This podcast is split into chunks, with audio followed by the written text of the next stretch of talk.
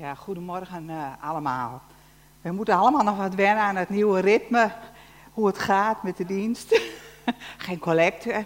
Uh, gewoon, ja, we hebben gewoon, uh, ook al is het al een tijdje, je bent zo gewend aan bepaalde patronen. Maar fijn dat we elkaar mogen ontmoeten, dat we samen mogen delen uit de Bijbel, vandaag ook avondmaal mogen vieren. En ik wil vanmorgen ook delen over de avonturen die, ja, die we in de Bijbel lezen, uh, die uh, God met mensen beleeft. En wij gaan ook allemaal, beleven we avonturen in ons leven. En het is bijzonder dat God met ons meegaat door alles heen. We mogen van God leren als we zo met Hem op weg zijn. En ons verwonderen over Gods grootheid en zijn geweldige kracht. En onze God is niet beperkt tot aardse mogelijkheden. Wij zijn, hè, je denkt van nou dit kan en zo gebeurt dit. Maar God gaat daar bovenuit.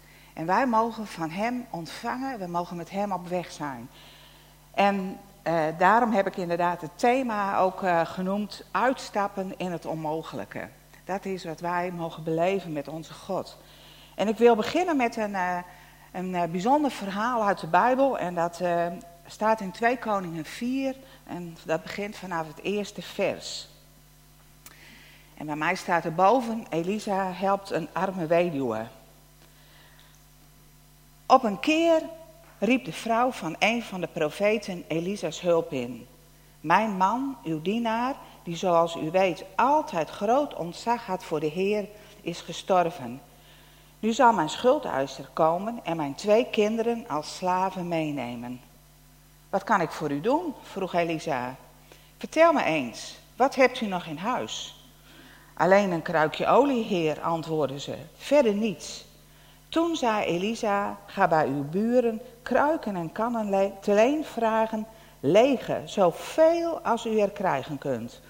En als u weer thuis komt, doe dan de deur achter u en uw kinderen dicht en giet uw olie in die kruiken en kannen over Telkens als er een vol is, neemt u een volgende. Thuisgekomen sloot de vrouw de deur achter zich, terwijl haar kinderen haar de kruiken en kannen één voor één aangaven, goot ze de olie over. Toen ze allemaal vol waren en haar zoon vroeg haar de volgende aan te geven, antwoordde hij, er zijn er geen meer. Toen hield de olie op te vloeien. De weduwe ging terug naar de godsman en vertelde hem wat er gebeurd was. Die olie moet u verkopen om uw schuld af te betalen, zei hij. En van wat er overblijft kunt u, kunnen u en uw kinderen leven. Nou, een bijzonder verhaal. Deze vrouw is ten einde raad. Haar man was een profeet, was een dienaar van Elisa, een volgeling van Elisa. En haar man die zorgde ook voor de inkomsten van het gezin. En dan is er een groot verdriet. De man sterft. En behalve uh, dat er verdriet is om, omdat, ja, omdat hij er niet meer is, het gemis van hem, is ook de bron van inkomsten weg voor dat uh, gezin. En uh, deze vrouw, deze weduwe, die heeft zelf geen mogelijkheden om aan geld te voorzien. Er was geen weduwenpensioen, zoals wij tegenwoordig in dit land heel mooi geregeld hebben. En zij zag ook geen mogelijkheden om geld binnen te halen. En dan behalve het verdriet is er ook nog een heel groot risico uh, wat er op dat moment bij komt. Want de schuldeiser die wil haar zonen kopen. En als slaven wil hij haar zonen verkopen. Nou, haar zonen zijn haar alles. Dat is haar alles waard. En moet je je voorstellen in wat voor situatie ze zit. Geen inkomsten, verdriet, geen man, en dan ook nog de dreiging dat je zonen verkocht worden. En dan ziet ze nog maar één mogelijkheid. Dan gaat ze naar Elisa toe. Want ze weet dat Elisa uh, grote dingen heeft meegemaakt in zijn leven. Dat er door hem bijzondere dingen zijn gebeurd. En ze weet dat Elisa God dient. Dat heeft ze ook, in haar man heeft ze daarin dingen geproefd. En ze gaat naar Elisa toe. En dan vertelt ze het verhaal aan Elisa. En dan vind ik zelf het, het antwoord van Elisa zo bijzonder. Wat zou ze verwacht hebben van Elisa toen ze daarheen ging? Wat verwacht jij als je naar God gaat om hulp? Toen ik er zo over nadacht, denk ik, ja, wat had ik verwacht van Elisa? Ja, ik zou misschien denken van, misschien had hij wel gebeden voor een wonder, uh, voor geld of voor een bron van inkomsten. Uh, een, een bijzondere ontmoeting met God en dat opeens de situatie veranderd was. Maar dat doet Elisa niet. Hij vraagt haar wat ze wel heeft. Hij vraagt haar wat ze kan gebruiken. En ja, soms doet God de dingen zo anders dan wij verwachten. Dat zie je ook bij het verhaal van de Aman. Hij gaat naar Elisa toe, want hij is ziek. Hij gaat naar die uh, profeet, dat heeft dat, uh, die, dat, die slavin heeft dat uh, hem aangeraden. En dan komt hij daar. En verwacht hij ook dat Elisa iets bijzonders gaat doen.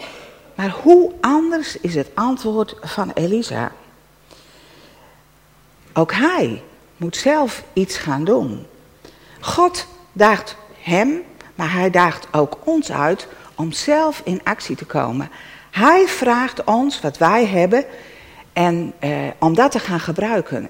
En nog meer dan dat, God wil dat we hem gehoorzamen. Dat wat hij tegen ons zegt, dat we dat ook gaan doen. En voor Naaman was dat om naar de Jordaan te gaan. En uh, kopje onder te gaan. En dan te zien of daardoor een wonder zou gebeuren. Nou, voor deze weduwe was dat een kruikje olie gebruiken. Nou, misschien had ze wel zo'n kruikje. Zo'n klein kruikje met nog wat olie erin. Nou, olie was kostbaar. ik vind olie nu ook nog steeds bijzonder. Je kan het met bakken. Je kunt het in, in met meel kun je er uh, beslag van maken. Dus olie, in die tijd ook, olijfolie, heel kostbaar was dat. Maar zo'n kruikje had zij. En ze had een heleboel schulden en er dreigde van alles te gebeuren. Maar zij krijgt de opdracht van Elisa dat zij en haar zonen allemaal lege vaten en kruiken moeten verzamelen bij hun buren. Ze moeten op pad gaan en mensen vragen om lege kruiken. Nou, zou jij dat gedaan hebben? Want mensen zouden zeggen, wat moet er dan mee? Nou, eh, misschien verklaren ze je wel voor gek als je eraan komt om die lege vaten op te halen. Nou, in dit verhaal is wel één ding uh, speciaal. Deze vrouw was ten einde raad. Ze had, ze had gewoon niks te verliezen. Dus ik denk, dat maakt het makkelijker om dat te doen. Want je grijpt aan wat je kunt doen en je gaat daarmee aan de slag. Want ja, eigenlijk heb je geen andere keuze om, uh, om iets te gaan doen. En dit verhaal van die vaten, dat doet mij ook, deed mij ook denken aan een ander verhaal met de vaten. Dat was op de bruiloft. Er was een werd feest gevierd, er was bruiloft. Nou, dat wordt in Israël volop gevierd. Het was een groot feest. En dan op een gegeven moment, dan staan die vaten met wijn zijn op. Er zit helemaal niks meer in. En uh, Maria heeft dat ook al gezien en die heeft uh, Jezus al even aangeport van hé, hey, uh, is een mooi moment voor jou om in actie te komen. Nou, Jezus gaat zijn eigen plan trekken, maar dan gaat hij naar die bedienden toe en dan zegt hij tegen die bedienden, neem deze vaten en vul ze met water. Nou, wonderlijk verhaal. Vul die vaten met water, je gaat de mensen toch geen water voorzetten? En ze kennen die man helemaal niet nooit van, de Heer van Jezus gehoord. En die vraagt dat van hun. Dat zouden wij doen. Zou je dat doen als iemand dat tegen je zegt? Als iemand je een opdracht geeft wat je denkt... Nou, wat, uh, wat in de wereld... Uh, waarom zou ik die vaten met water vullen? Maar laten we eens uh, horen wat er gebeurt. We gaan een stukje lezen uit Johannes 2 vanaf vers 7. En Jezus zei tegen de bedienden... Vul de vaten met water. Ze vulden ze tot de rand. En toen zei hij: Schep er nu wat uit en breng dat naar de ceremoniemeester. Dat deden ze. En toen de ceremoniemeester het water dat wijn geworden was proefde, hij wist niet waar die vandaan kwam, maar de bedienden die het water geschept hadden, wisten het wel, riep hij de bruidegom en zei tegen hem: Iedereen zet zijn gasten eerst de goede wijn voor. En als ze dronken zijn, de minder goede. Maar u hebt de beste wijn tot nu toe bewaard. Wat een wonder. Het water dat in die vaten zat, En dat uitgedeeld werd, dat was veranderd in wijn. En ook nog eens de allerbeste hemelse wijn, denk ik. De bedienden, die deden, die hadden gedaan wat Jezus gezegd had. En voor hun ogen zagen ze een wonder gebeuren. Het water veranderde in wijn. Wat bijzonder. Het markeerde het begin van de bediening van de Heer Jezus. En nog een bijzonder verhaal gaat over een maaltijd. Dat wil ik ook lezen, dat staat in Lucas 9 vanaf vers 12. De dag liep ten einde. De twaalf discipelen kwamen naar Jezus toe en zeiden: Stuur de mensen weg, dan kunnen ze naar de dorpen en gehuchten in de omgeving gaan om daar te overnachten en op zoek te gaan naar eten, want dit is een afgelegen plaats. Maar hij zei tegen hen: Geven jullie hun te eten? Ze zeiden: We hebben maar vijf broden en twee vissen. Moeten wij dan eten gaan kopen voor al die mensen? Er waren ongeveer vijfduizend mensen bijeen. En Jezus zei tegen zijn leerlingen: Zeg dat ze in groepen van ongeveer vijftig bij elkaar moeten gaan zitten. En ze deden wat Jezus hun opdroeg en lieten iedereen in groepen bij elkaar zitten. En Jezus nam de vijf broden en de twee vissen, keek omhoog naar de hemel en sprak er het zegengebed over uit. En daarna brak hij het brood en gaf het met de vissen aan zijn leerlingen om aan een menigte uit te delen. En de mensen aten en allen werden verzadigd. De stukken brood die overbleven werden opgehaald, twaalf manden vol. Wonderlijk, zo onbegrijpelijk. Vijf broden en twee vissen en vijfduizend mensen. En dan moeten die leerlingen, die moeten ja, ook in actie komen. Die moeten de mensen in groepen gaan zetten. Ze weten, zo'n klein beetje eten is er maar. En ze moeten de mensen in groepen van vijftig bij elkaar zetten. En dan pakt de Heer Jezus het brood en de vissen. En dan kijkt hij omhoog. Vind ik zo bijzonder, dat raakte me net ook. Hij keek omhoog. Hij keek naar zijn vader. Hij verwachtte dat God bijzondere dingen zou gaan doen. En toen brak, nam hij het brood en hij brak het en hij deelde uit. En zijn leerlingen moesten ermee aan de gang gaan. Die moesten het uit gaan delen. Nou, die zullen ook moeten hebben breken. Want de Heer Jezus heeft dat niet in zijn eentje kunnen doen. Dus het moet zich op een bepaalde manier vermenigvuldigd hebben. Ook in het uitdelen. Zo'n geweldig wonder waar heel veel mensen getuigen van waren. Er bleef heel veel over.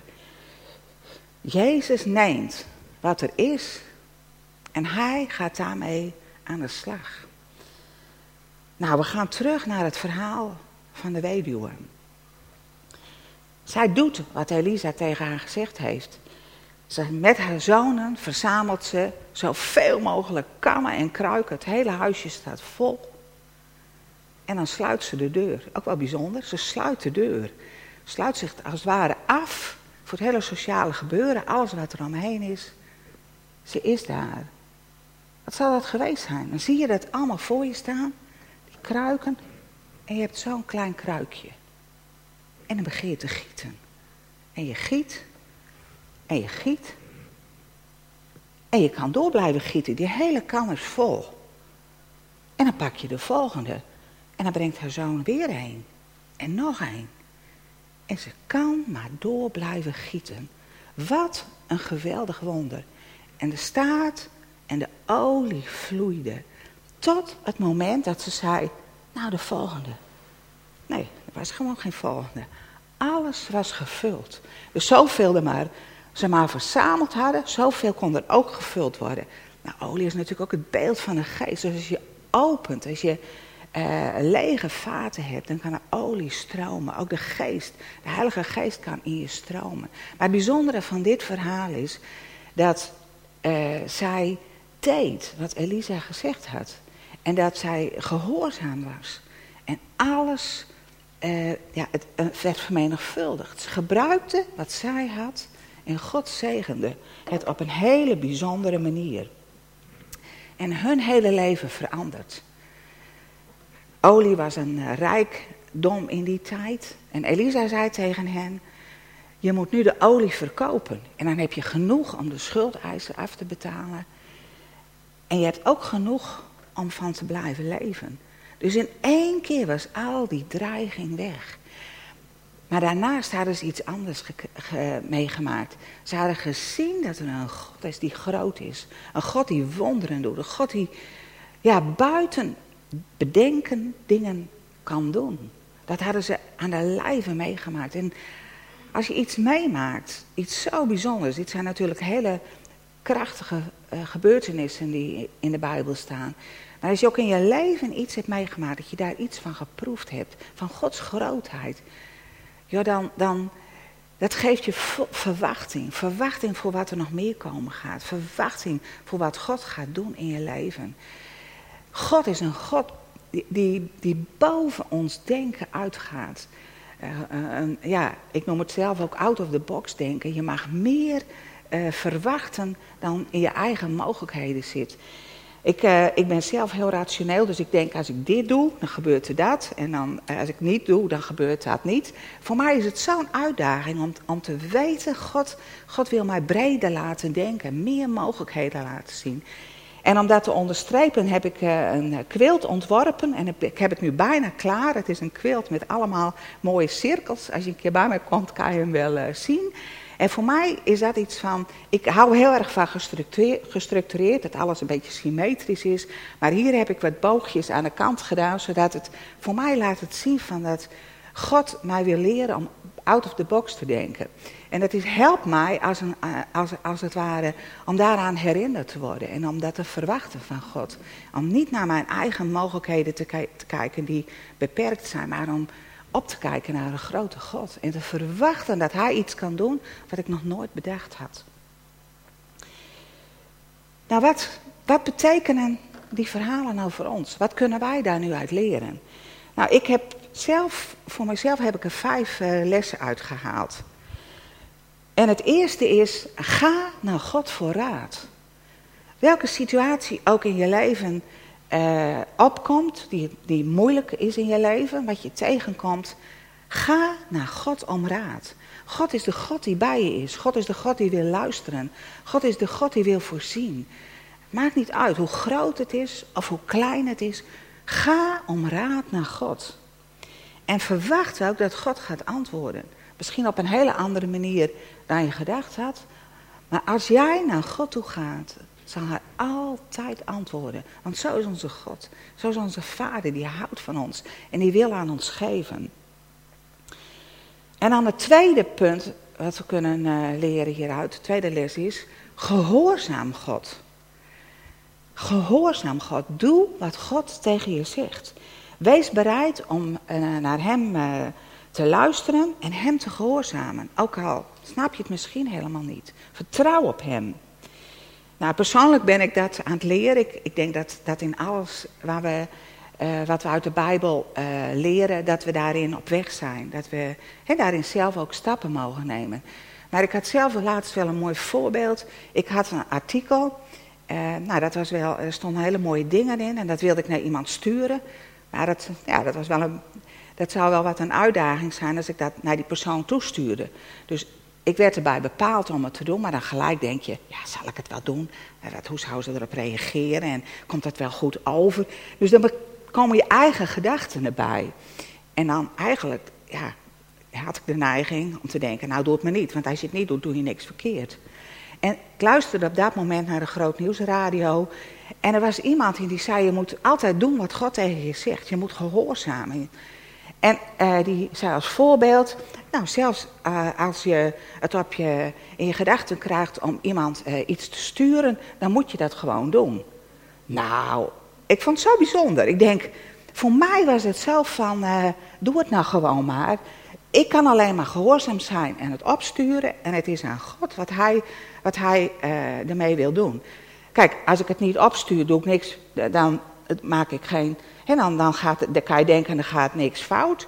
Maar als je het niet opstuurt, dan onthoud je iemand eh, misschien iets wat God wil doen in het leven van diegene.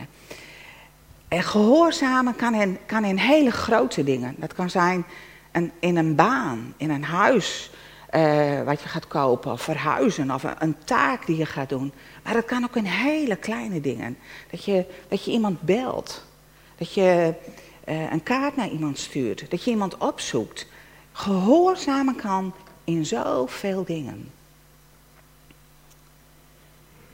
En dat, ja, dat wil ik ook nog zeggen. Als, jij, als wij gehoorzamen, dan kan God bijzondere dingen doen. Als wij niet gehoorzamen, dan kan God er niet doorheen werken. Als wij, en soms geeft God je nieuwe kansen. Soms denk je van, zal ik het wel of niet doen? En dan, weet je wel, denk je, hm, had, ik eigenlijk, had ik eigenlijk toch willen doen. En dat is niet erg. God, God gaat daarin ook met ons op weg. En God geeft ons nieuwe kansen en nieuwe mogelijkheden.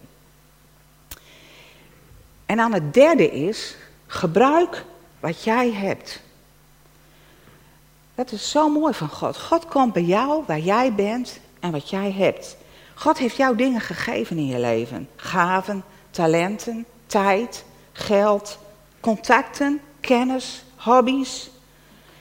En het is, je mag kijken naar wat je hebt en niet naar wat je mist. Welk klein kruikje met olie heb jij gekregen? Welke kansen heb je die je mag gebruiken? Welke tijd heb je om iets te doen? Wees bereid om dat te geven wat jij hebt. En als je geeft wat je hebt, dan gaat God er doorheen werken. Dan gaat God daar uh, ja, zijn zegen aan verbinden. Denk niet, eer, denk niet van, nou ja, wat, wat, wat kan God hier nou mee? Of dat je denkt, nou ja, ik moet eerst moet ik wel wat meer, moet ik wel beter zijn in dingen, moet ik wel perfect zijn. En als ik dan iets ga doen, dan kan het wel. Ik ben dat zelf bijvoorbeeld tegengekomen in schrijven. Ik ben, zoals velen van jullie wel weten, ben ik aan het schrijven gegaan. Maar dan denk je, eerst heeft het heel lang mij tegengehouden dat ik dacht, ja, dat moet echt wel goed zijn. Dat moet echt wel, nou, moet echt wel uh, bijzonder zijn. Eerder ga ik niet schrijven en iets uitgeven. Maar God daagde me echt uit. Ga op weg en geef wat jij hebt. En als jij, als jij daarmee aan de gang gaat, kan ik er doorheen werken. En dan ga je groeien en dan ga je leren. En ja, ik ben gewoon, ik ben dankbaar voor dat duwtje wat ik heb gekregen. En ook mensen die me erin aangemoedigd hebben. Want God vermenigvuldigt wat je hebt. Wat, op welk terrein het ook maar is. En mijn vierde punt, mijn les die ik hieruit leert, geleerd heb, is geloof. Geloof in God. Geloof in een hele grote God. Ik, uh, want we hebben een grote God. Ik kwam een heel mooi citaat tegen wat mij uh, aansprak. En daar staat: Vertel God niet hoe groot jouw problemen zijn, maar vertel jouw problemen hoe grote God jij hebt. Weet je, dan kijk je zo anders tegen de dingen aan. Als je maar denkt van, nou ja, maar dit is, oh, wat een probleem. Maar als je denkt, oh, probleem, ik, ik heb dit wel, maar ik heb een grote God. En hij gaat met mij hier doorheen. Hij gaat bijzondere dingen doen. En het, je mag God vertrouwen. Je kunt op hem aan. Hij, doet, hij zal altijd doen wat goed is. Het beste, wat voor jou goed is. Dus je kunt hem vertrouwen. En als je geloof in hem hebt en je geeft je ja, aan hem over, dan ga je ook zien dat hij te vertrouwen is. Het is als het ware dat je op weg gaat en dat je dat steeds meer ervaart, dat je op je God aan kunt. En dan het vijfde is, en dat is de grootste uitdaging denk ik, stap uit in het onmogelijke. Als jij uitstapt in iets wat jou onmogelijk lijkt, dan laat je als het ware de controle los. Dan heb je het niet meer in je eigen handen. Dan denk je niet, nou, ik red het wel. Ik, uh, uh, ik, ik, zie hoe allerlei dingen gaan. Maar dan is het, Heer, ik ga op weg. Ik, ik verwacht het van u. Ik ben heel benieuwd wat u gaat geven in deze situatie. Wat u aan mij gaat geven in wat ik tegenkom. En dat is eigenlijk als lopen op het water. Je zegt, Heer, hier ben ik. Ik ben bereid om te doen wat u van mij vraagt. Ik ga op weg. En het is aan God dan om te doen wat Hij hier doorheen wil doen. We zijn allemaal verschillend. We hebben allemaal verschillende mogelijkheden in ons leven. En je vergelijk jezelf niet met een ander. God geeft jou andere mogelijkheden. Je zit in een andere fase in je leven dan iemand anders. En jij mag op de plek zijn die God voor jou heeft. En jij mag ontdekken wat God in jou gelegd heeft en wat Hij door jou heen wil doen. Hoe God met jou op pad is.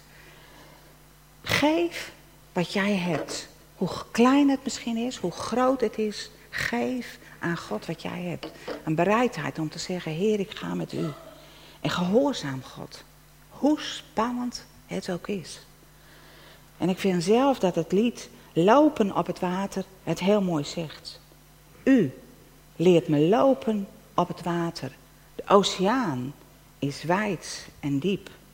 U vraagt me alles los te laten. Daar vind ik u. En ik twijfel niet. We gaan nu luisteren naar het lied Lopen op het water.